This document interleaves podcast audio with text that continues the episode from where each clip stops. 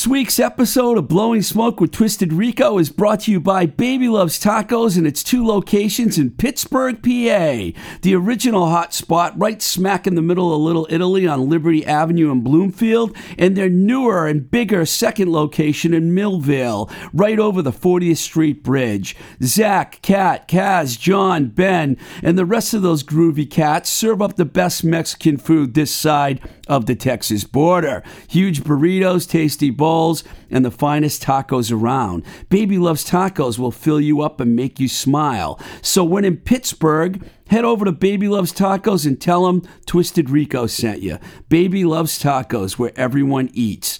Before we bring our very special guest, Tom Lyle, on the show, let's listen to a song from Tom's band Government Issue. This one is called Public Stage.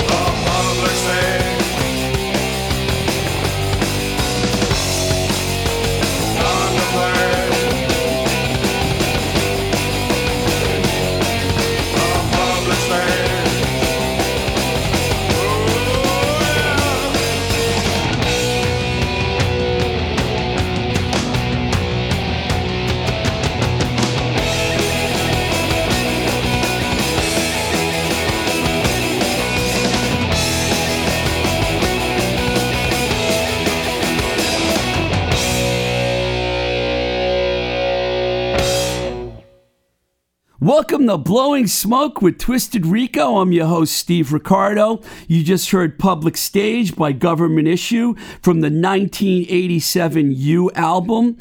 We're very excited to bring to the show Government Issue guitarist Tom Lyle. Welcome, Tom.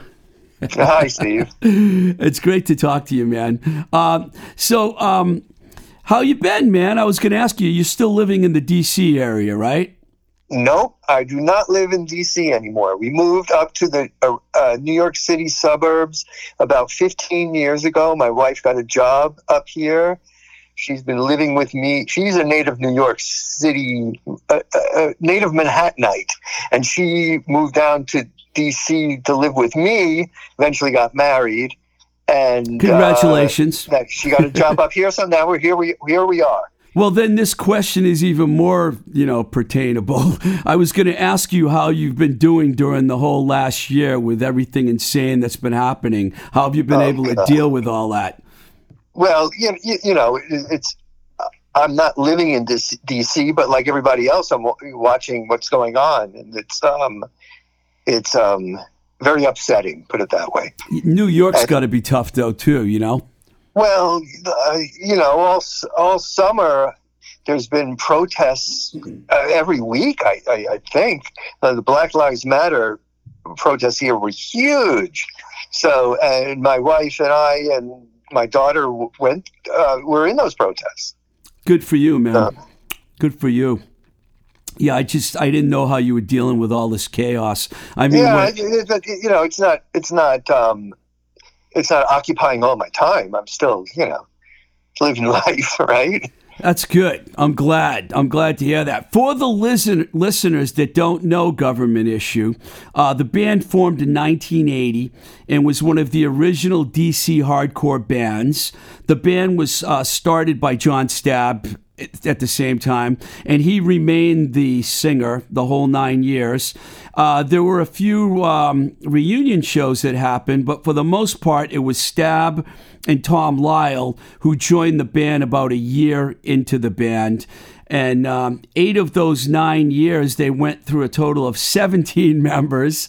Uh, no way. yeah, Oh, I looked no it up. way. And uh, I they, ha- never, never counted. they had a lot of bass crazy. players. Yeah, the bass players, bass players. Uh, unfortunately, for people that don't know, we lost John Stabb in 2016 to cancer. So, Tom, before we talk about the band in general, I, along with uh, thousands of others, was saddened by the passing of John Dukes Schroeder, aka John Stabb. I'm sure that was a great blow to you as well, and I, I Oh, wanted to bring this up first.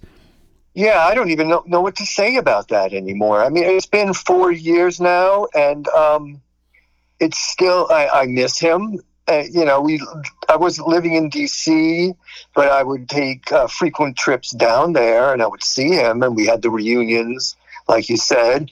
So uh, we were still uh, pretty close. Uh, we, you know, being in a band with someone for what I was it, nine and a half years, you get pretty close to people. So it was very upsetting when he passed away. Yeah, I I think I have my numbers a little off there. Um, can, can you tell us uh, what it was like being part of that early DC hardcore scene or the straight edge? Or I don't know if you were straight edge. I know John was straight edge. let's, let, let's not talk about straight edge. Straight edge was a song, okay? And we'll just leave it at that, okay?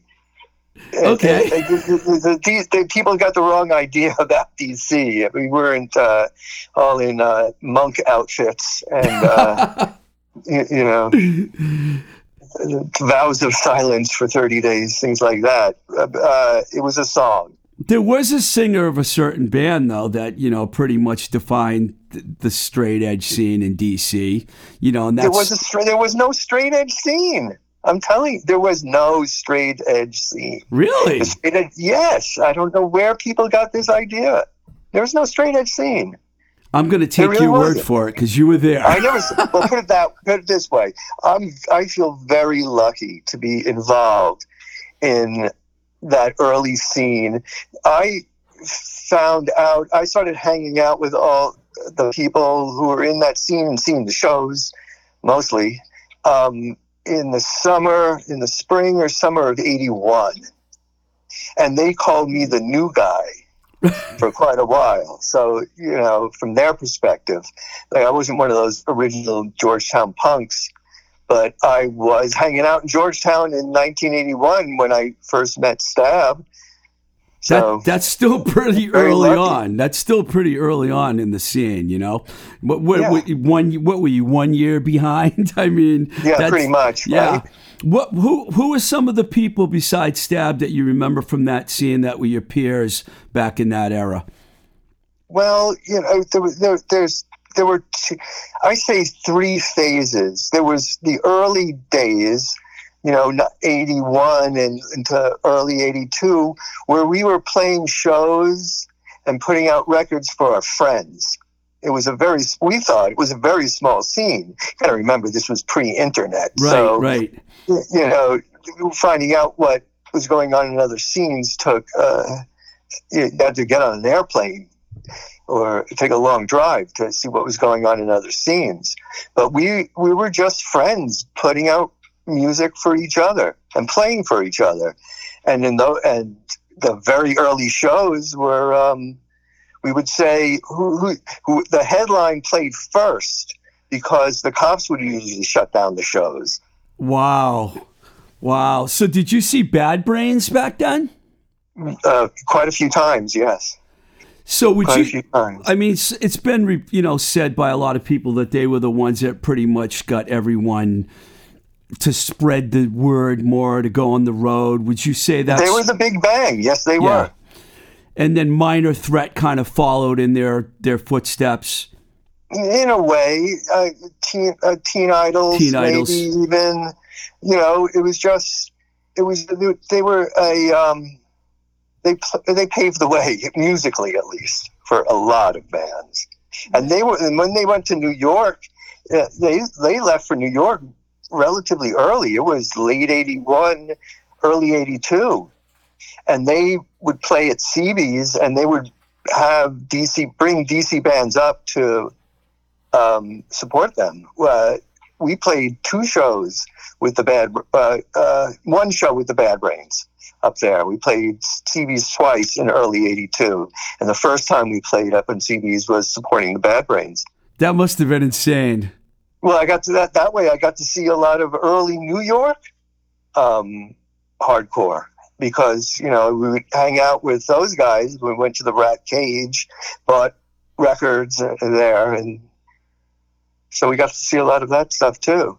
As a matter of fact, we slept on the floor in sleeping bags um, in the Bad Brain Studio, uh, one seven one A, That's a famous um, spot. where they recorded their first um, ROIR tape.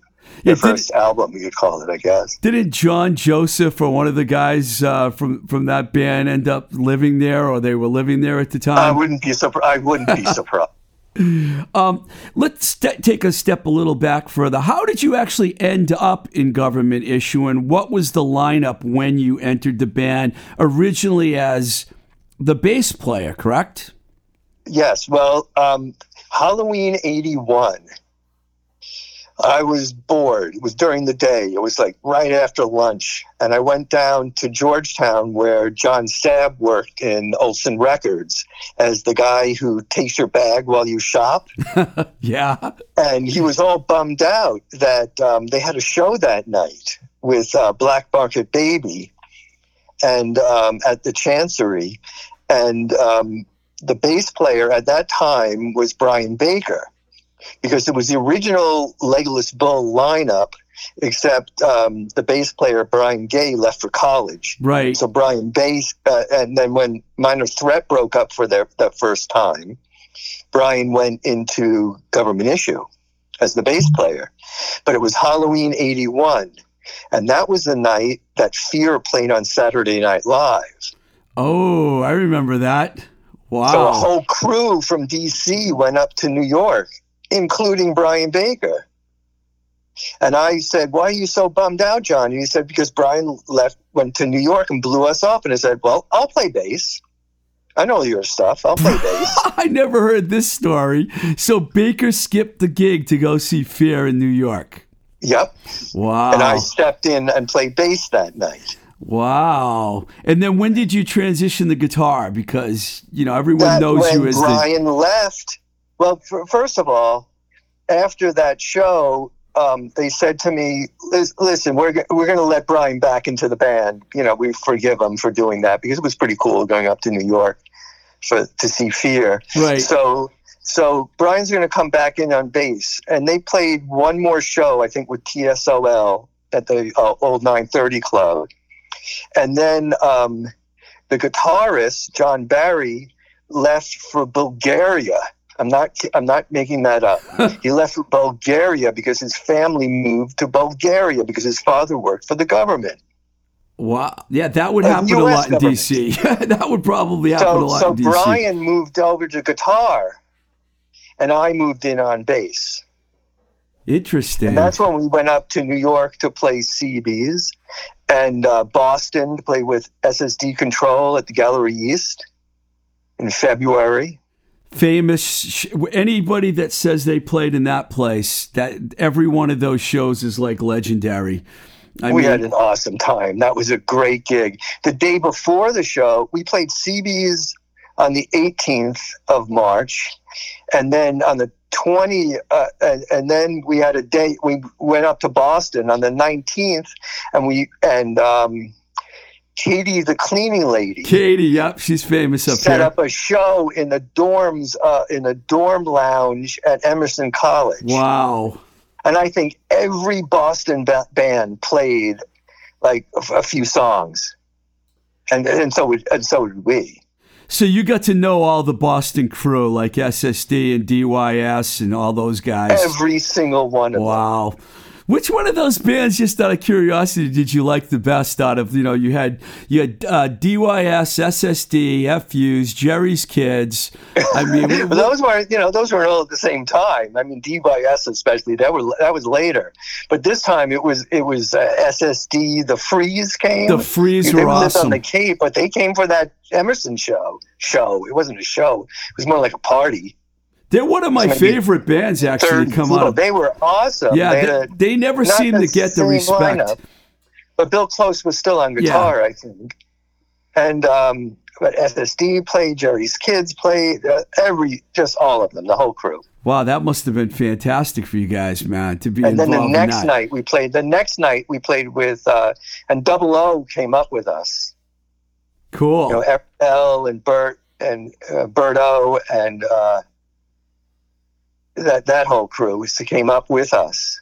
It seems like Boston was a, a, the you know a city that really appreciated government issue because I know a lot of people up here that look at GI as like one of their favorite bands from the original hardcore scene. we we always every couple of at least eh, once every other year we went up there for either Boston or Cambridge or both. Yeah, it's it's kind of the same, you know. The state, you know, it's just a river that separates them. Is it? I, I, I don't know the geography of Boston. I well. actually, we're yeah, on the, we're, I'm in Somerville, we're in Somerville right now, which is right next to Cambridge. It's like literally across the street. And, you know, and then there's a river, the Charles River, and then Boston's on the other side. So Right. um, it makes sense that you would play both sides. Uh, you know, following those early EPs and singles, the band, this is really fascinating. The band put out seven studio albums in seven years. Now, a lot of bands can't do that. How are you guys able to accomplish that considering the lineup change? Well, the bass players, But I you know, should say. you know how uh, uh, we because we weren't on Dischord. That's how we did it. wow. because we switched we went over uh, we, we recorded the boycott stabb album that's Yeah. when when brian left the band in late march early april of 82 i took over the guitar slot and we got mitch parker on bass so it was stabb me mitch parker and our drummer mark, Mark, Alberstadt Yes. the original drummer. And um, when we, um, I'm looking at that timeline right now. You said Mitch Parker. we recorded the Make an Effort uh, EP with uh, Brian on guitar in February. So that was our first. That was the first uh, uh, record I was on on bass. You And then we were. recorded Boycott Stabb with me on guitar. And we thought that album was going to come out on Dischord like right after we recorded it. And I said, Ian, when is the record going to come out? Because Ian MacKaye produced it. And it was his baby, really. And uh, he said, no, well, you know, Minor Threat's going on tour. So we're going to put out um, our record. And yours is just going to be um, on the shelf. And we were like, that's not cool. Wow. You know, it's cool that that that Of Steps going to come out.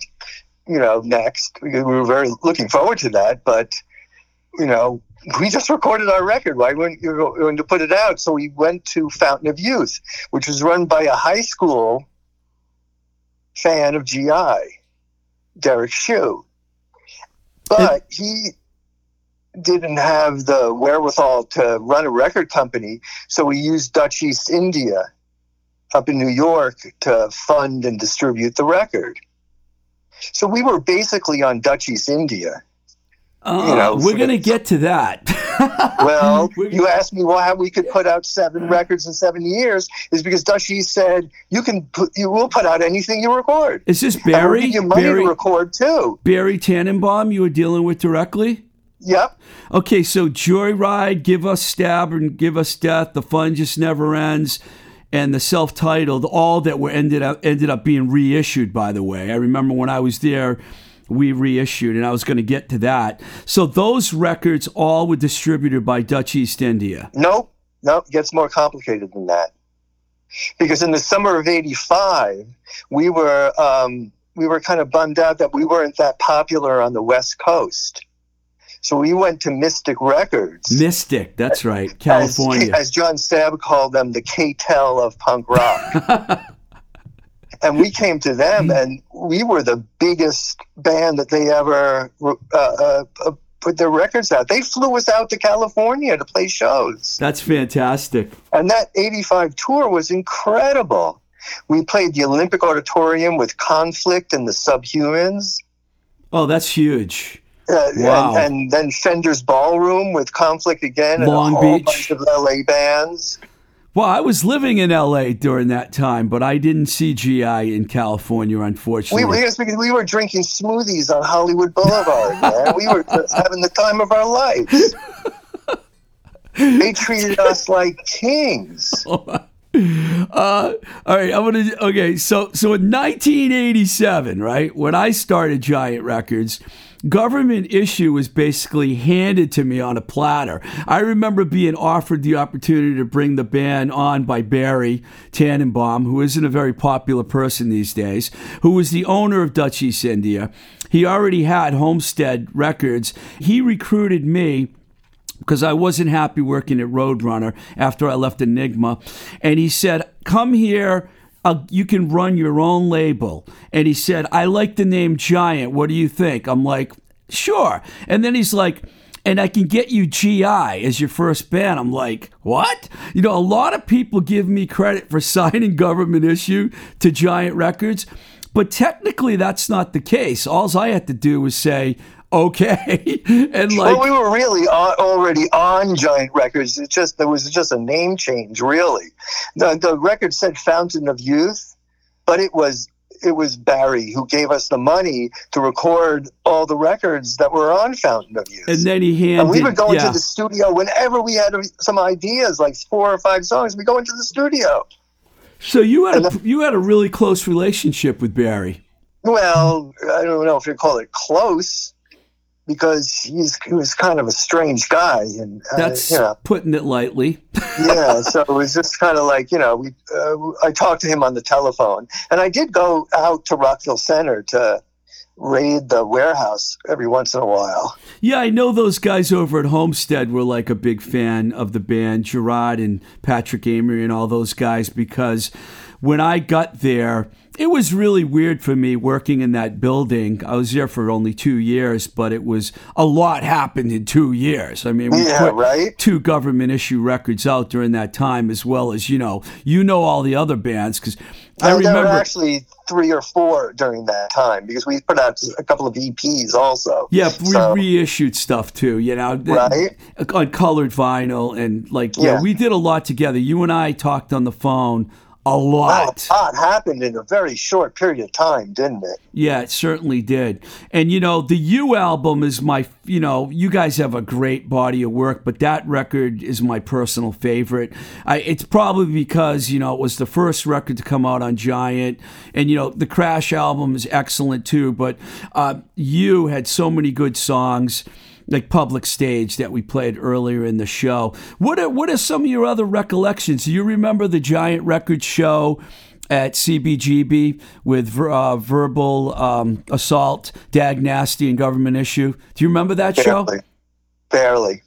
That was good. We had like 600 Well, if you tell there. me the date, because we have a Bandcamp page, and we have all our live shows. I was very um, into taping the shows, and I had a, a professional cassette recorder, and I would bring it with me on tour, and I would record every show that we played, and all and as Fugazi offers their shows, so do we. Although we kind of give them away, so you can uh, pay for uh, more for them on on band, on uh, iTunes and other platforms, but on our Bandcamp page, it's pay as you want, uh, pay what you want. so you telling me that CBGB Giant Record Showcase show might be on Bandcamp?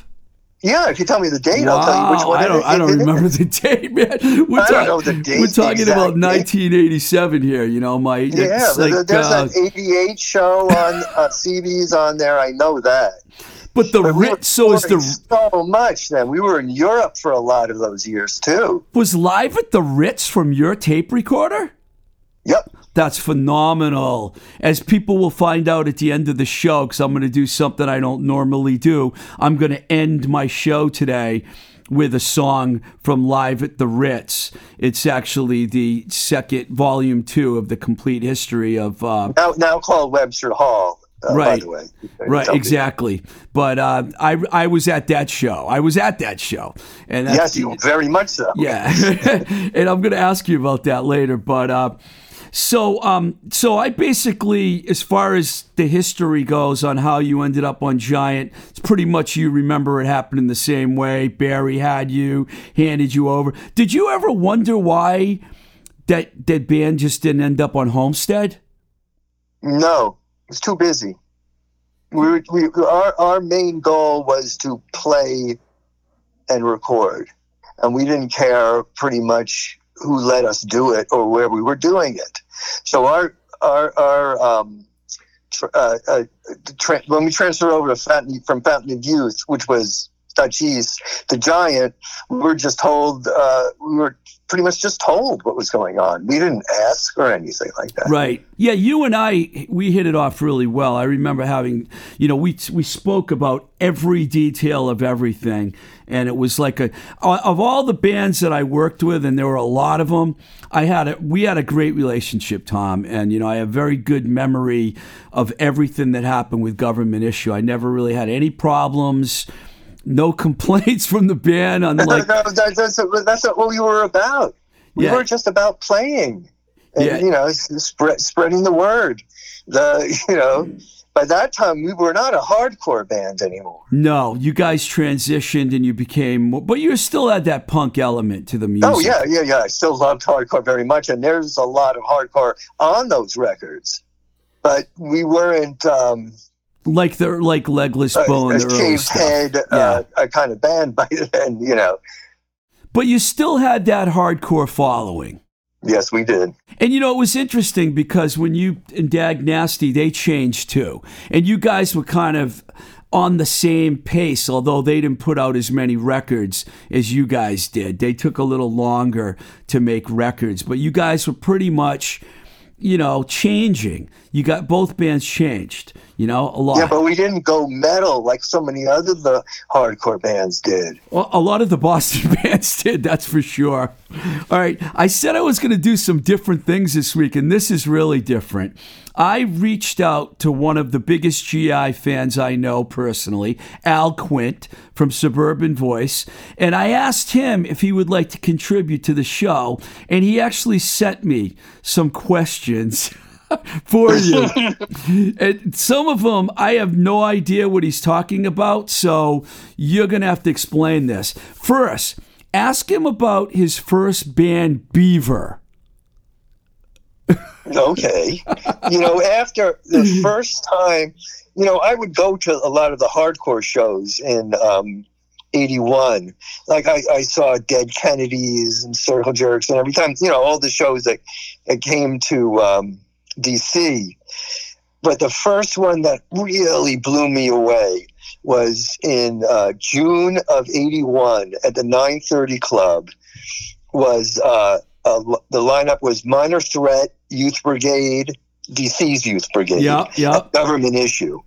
Wow! Wow! Really? Wow! Yes, and that show just that was my. I had an epiphany at that show. I feel like those were three of the bands that were covered a lot in the Salad Days documentary. You know, they talked about the DC Youth Brigade a lot in Minor Threat and Government Issue because Stabb was on there. But so you, okay, so you go to the show. Go ahead. I'm sorry. and, I, and and it changed my religion. Really? And I, well, we we're, we're talking about Al's Al's question, right. and I, I said, well, I'm going to uh, record a hardcore album. So I recorded in my home studio a demo, a hardcore demo, uh, with me playing all the instruments, Wow. and we, I called it Beaver, and I put out a, and and then um, after that, I re- recruited a couple of guys, a bass player and a drummer, who are no longer in the scene, and um, went into the studio. The same studio ended up recording the Make an Effort EP, by the way, and recorded the Beaver single. But now on Doctor Strange Records, there's a 12 inch of the demo I recorded at home and the um, the studio version that was the seven inch EP. so was that reissued recently? Very recently, last year, yeah. Wow, I gotta year. check that out. I didn't even know about it. He also wanted me to mention the solo album you did under the name Lyle in the late '80s, early '90s, which I also was not familiar with. I told Al There's knows two, everything. I did two solo albums after GI broke up. I built a recording studio, sold all my Marshalls, and, and uh, bought, bought a recording studio. The same eight track that was in Catch a Buzz Studios, where we recorded um, uh, Make an Effort, was now in my uh, second bedroom. I, I remember your Marshall stack, by the way. You you were you had to, you were you were you were like a little metally. You said you didn't get Well, metal, I, but I liked a loud guitar. you were You loud. know, I, and Mar- I, at one point, I had four heads and four cabinets. In other words, two Marshall stacks, but with two heads on each, with two heads on each stack. I mean, you guys had great rhythm sections, you know, and the one that I saw the most was um, Jay Robbins and, and Peter Moffett, you know, and they were a great rhythm section, but GI to me was a guitar driven band, you know, I mean, that loud in your face guitar and then Stabb's total wackiness and insanity. It was just like, that's what I remember about GI. His, this is funny because he says, he says this is an obvious question.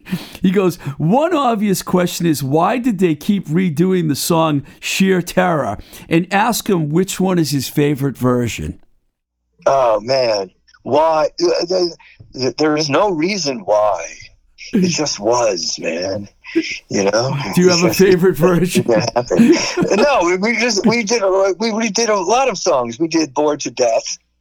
We, we did that song that was originally on um, uh, uh, on, on on the uh, Legless Bull EP. We did that. We we covered the uh, Faith song, and we um, did that at every show. But why sheer terror? And my favorite one is the one that's a bonus track on GI Five. Oh, yeah, I remember that. That was on colored That was vinyl, too. recorded at CBGB during the day with no audience there. CBGB had a two-inch, sixteen-track machine there. I think I remember So, that. Tommy. a lot of the uh, on the fifth self-titled album a lot of those basic tracks were recorded uh, and and on on the fun just never ends those were mo- most of them ended up on the fun just never ends mad at myself vanity fair and two other songs were recorded at cbgb I and we also recorded sheer terror there I remember and going that to. sheer terror was and ended up as a bonus track on the self track um, self-titled album. That's my favorite one. Sorry, man, I'm an interrupter. I apologize. I remember going to CB's every Sunday afternoon. Tommy from Prong was the sound guy. You must have know. You must have met Tommy. He, he yes, very much. Yeah, very much so. Yeah, and he he. I remember he had a lot of equipment, man. He was a really good sound man too. That room, I mean, the best rooms I ever I remember were that room and the Rat. I mean, in Boston. I don't know if you ever played at the Rat, but the sound quality of those We two played there once. We played there with the with the U lineup. We played there. We played the Rat in '87. Wow, I wish I would have been at that show. Yeah. You were living in New York then, though. Yes, I was. I was. Yeah, so that's when that's when we played the Rat. This is a good question. Um, you could, okay, these are the words of Al Quint. You could always ask how they felt that they fit in with the rest of the early DC hardcore scene. John seemed to have a style that was kind of contrary to the other bands. But the interesting thing is, he was straight edge. Sorry, those are his words, not mine.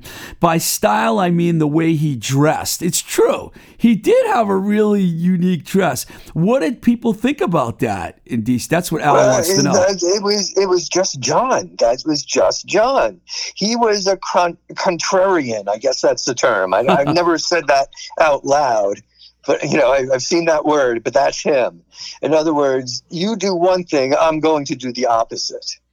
There's a lot of live videos of GI on YouTube. Last night I was watching all kinds of great footage of you guys from all over the place. I and mean, John was dressed in a simple black uh, t-shirt with jeans, right? No, he was not. he was probably wearing those '60s uh, uh, uh, vertically striped pants. yeah, or with- or, or with wearing a- nothing a at all. Green vest. Yeah, he didn't have a shirt a on. shirt. Yeah, he his shirt ended up coming off. You know, Oh, yeah, and eventually. and It was he- hot. He did, he did a lot of crazy moves and stuff on stage, so I can understand why Al would ask that question.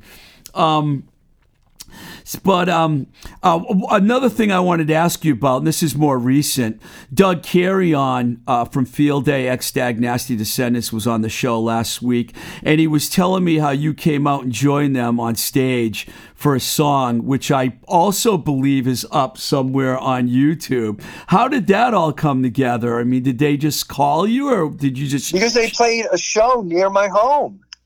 So We, did we, we live right outside of New York City. We can't live in New York City because of my. Um, um, my wife calls me a hoarder, but I'm not a hoarder. I just have a very large record collection and lots of equipment. I believe that? So we, we couldn't do that in a closet in New York City. So we live across the Hudson River in New Jersey, and they and and Field Day, the uh, Dag Nasty um, ish band, Peter Cortner and Doug Carrion, yeah. right? We're playing we're playing in New Jersey. About 20 minute drive from our home. And they said, Well, we're going to play. Why don't you join us for a song that night? And so I went down there and we did. And I, me and my wife went down to see them. They were great. It was a great night. People drove from all over to see them. We saw people from uh, uh, Philadelphia there and um, uh, New York and New Jersey were all there and it was a great night. And I joined them for one song when uh, they played a GI song, Yeah, I, in the Box. Yeah, of course, the the hit song, one of the big hit early hit songs. I uh, I didn't get to see Field Day because in P- Pitts when I was in Pittsburgh, the show got canceled, The and then pandemic hit, and yeah, that, and then in here the show got canceled. So I mean, but Doug assures me that once things clear up, they're going to be back on the road. He sp- speak; those guys speak very highly of you. By the and way, and I speak very highly of them too. I think Out at Den- uh, Wig Out at Denko's is probably. I waver between Can I Say and Wig Out, but in the end, I probably end up playing Wig Out more. Yeah, I admitted last week on the show that Wig Out at Denko's is my favorite Dag Nasty album, even though I was involved with the Field Day album and the All Ages Show EP. I thought Wig Out was fantastic. You know, Colin Sears, uh, nothing against Scott Garrett, but I thought that that version of the lineup with Baker, Cortner, Carry On, and uh, Colin Sears was deadly. I, I agree. I, really, and you know, Ian Ian produced that one, and um, um, wow. So that was like wow. It seems like we covered a lot of ground pretty quickly. I had a feeling that was going to kind of, happen. all, no, it kind of broke the uh, uh, not in chronological order, but we uh, definitely covered a lot of stuff. Yeah, it's hard for me to stay in chronological order, but uh, I'm gonna, like I mentioned you before, I'm gonna end the show differently with this the fantastic live version of "Where You Live" from the complete history of government issue, Volume Two, which Stabb actually dedicates the song to me. Something I didn't know when it came out until Al Quint contacted me one day and said, Hey, did you ever hear this? I got to tell you, I was pretty flattered and honored by that. When you uh, when, when you guys are putting that record out, you easily could have edited that part out, but you didn't. Why didn't you? Uh, uh, it was, uh, you guys know it was me. I'm the one who engineered of course, it was you. Jerry Williams, Oh, great and New yeah. York City engineer. He's the one who uh, put out the uh, engineered the Antidote record. Was pretty much our sound man when we ever played in New York. that's a You pretty there- good there was sound always man. be a house sound man, and then Jerry would show up and he would mix for us. He mixed for us for a ton of CB shows and that Ritz show or Webster Hall show. He engineered that too, and that's one of the other reasons why the tape came out pretty good. Yeah, it really, re- the live at, at the Ritz stuff is phenomenal. For anyone out there that hasn't heard it, I would get the uh, volume one and volume two of, you know, the, I call it greatest hits. You know, I said that to you on the phone, but because they're all hits in my mind, you know. I mean, well, that's all.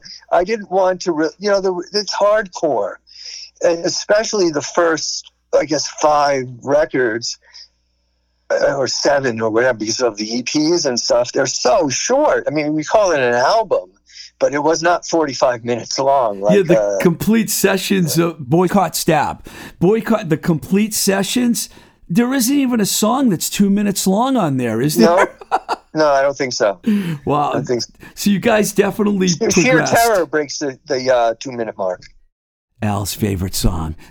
That's, the, that's So- the only one. That's the only one. Uh, before I before I go, I just was I'm curious. What do you listen to now? And what's like? Do you have a go like go to records or?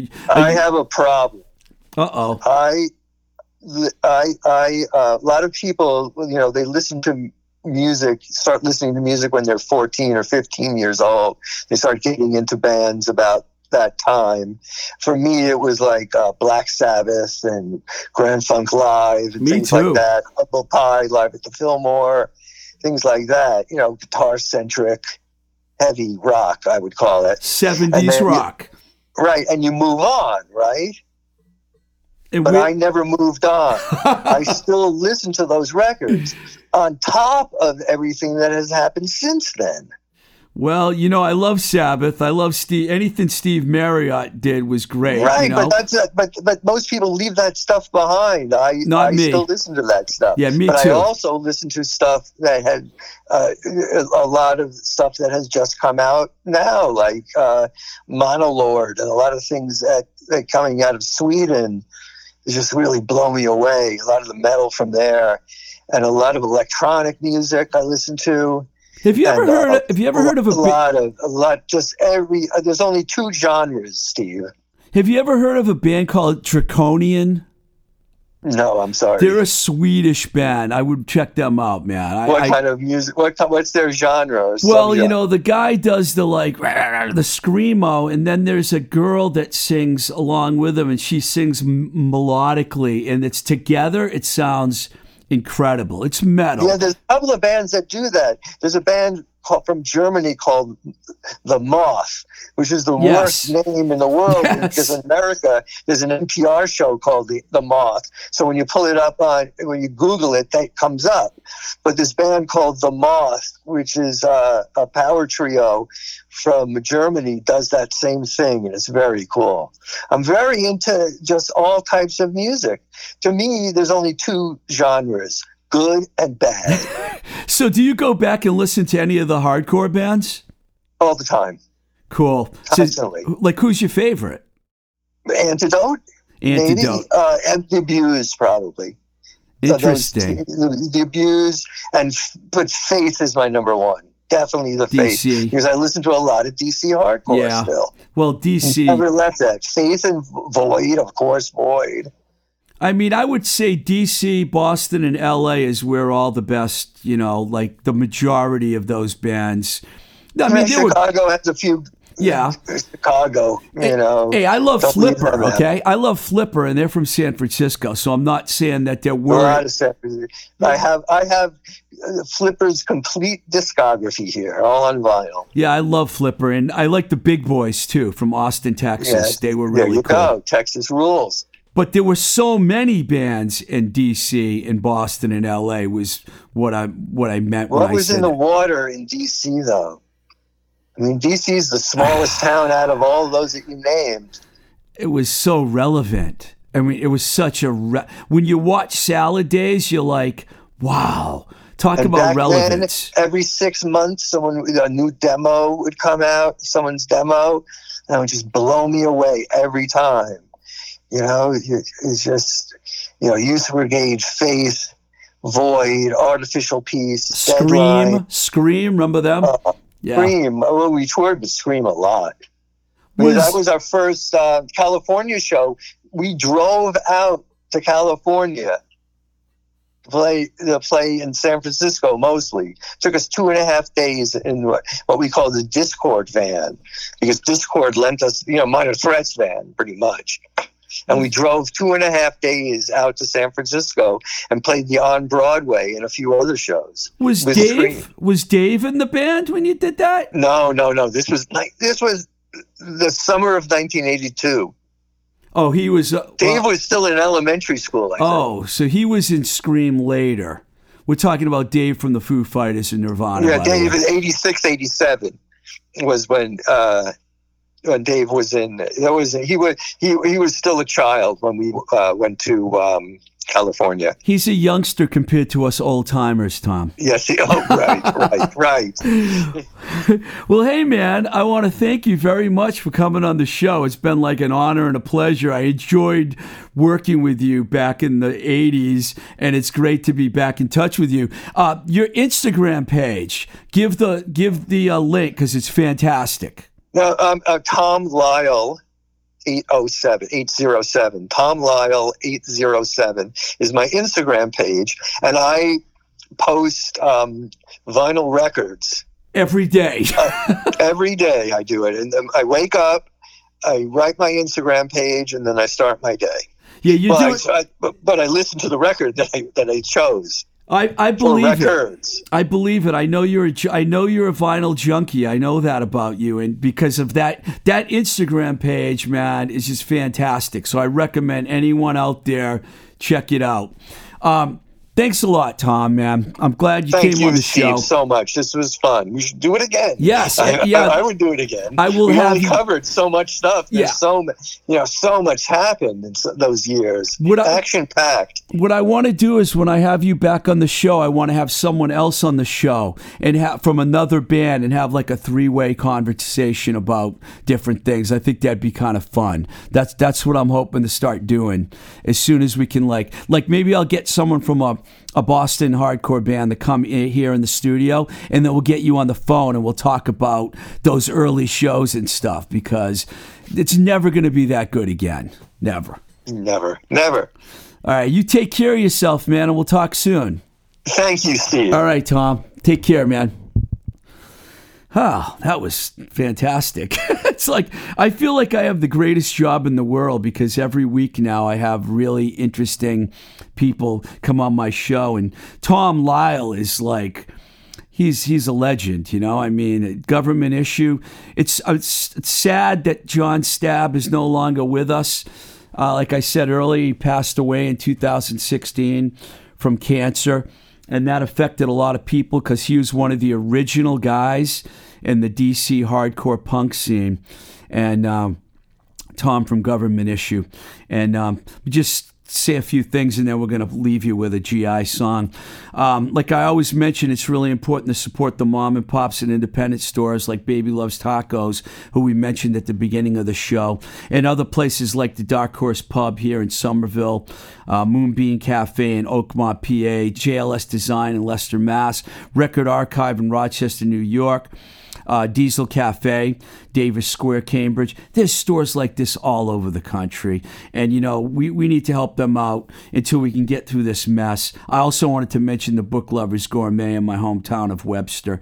And, um, these fine establishments need us now more than ever, and there's so many different ways that that you can help them out. Takeout food is really big now. Ordering merch, buying records, any anything you can do. And I also want to thank our engineer here, Nick Z. We're at New Alliance East in Somerville, Mass, and. Um, record here every week.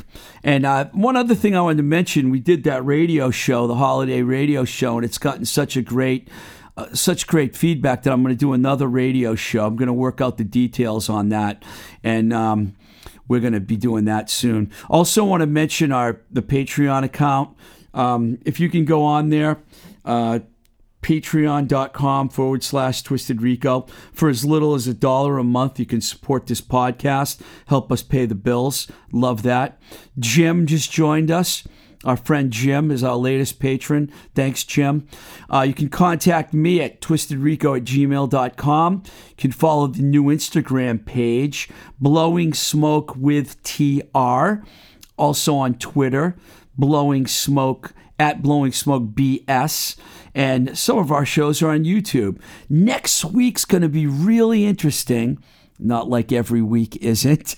I have 16 year old Nate Zucker coming on the show. LEV from The Charms turned me on to this kid. He has a big buzz going on right now with his latest album, Colton, C O L T O N, which you can listen to on Spotify. It's his second album, and he's only 16. So I'm really psyched about that. Um, this is Blowing Smoke with Twisted Rico. I'm your host, Steve Ricardo. Till the next time we say goodbye, keep the rock and roll alive. You know we love Busy Phillips. And as promised, we're going to leave you live from the Ritz, 1988, government issue, Where You Live.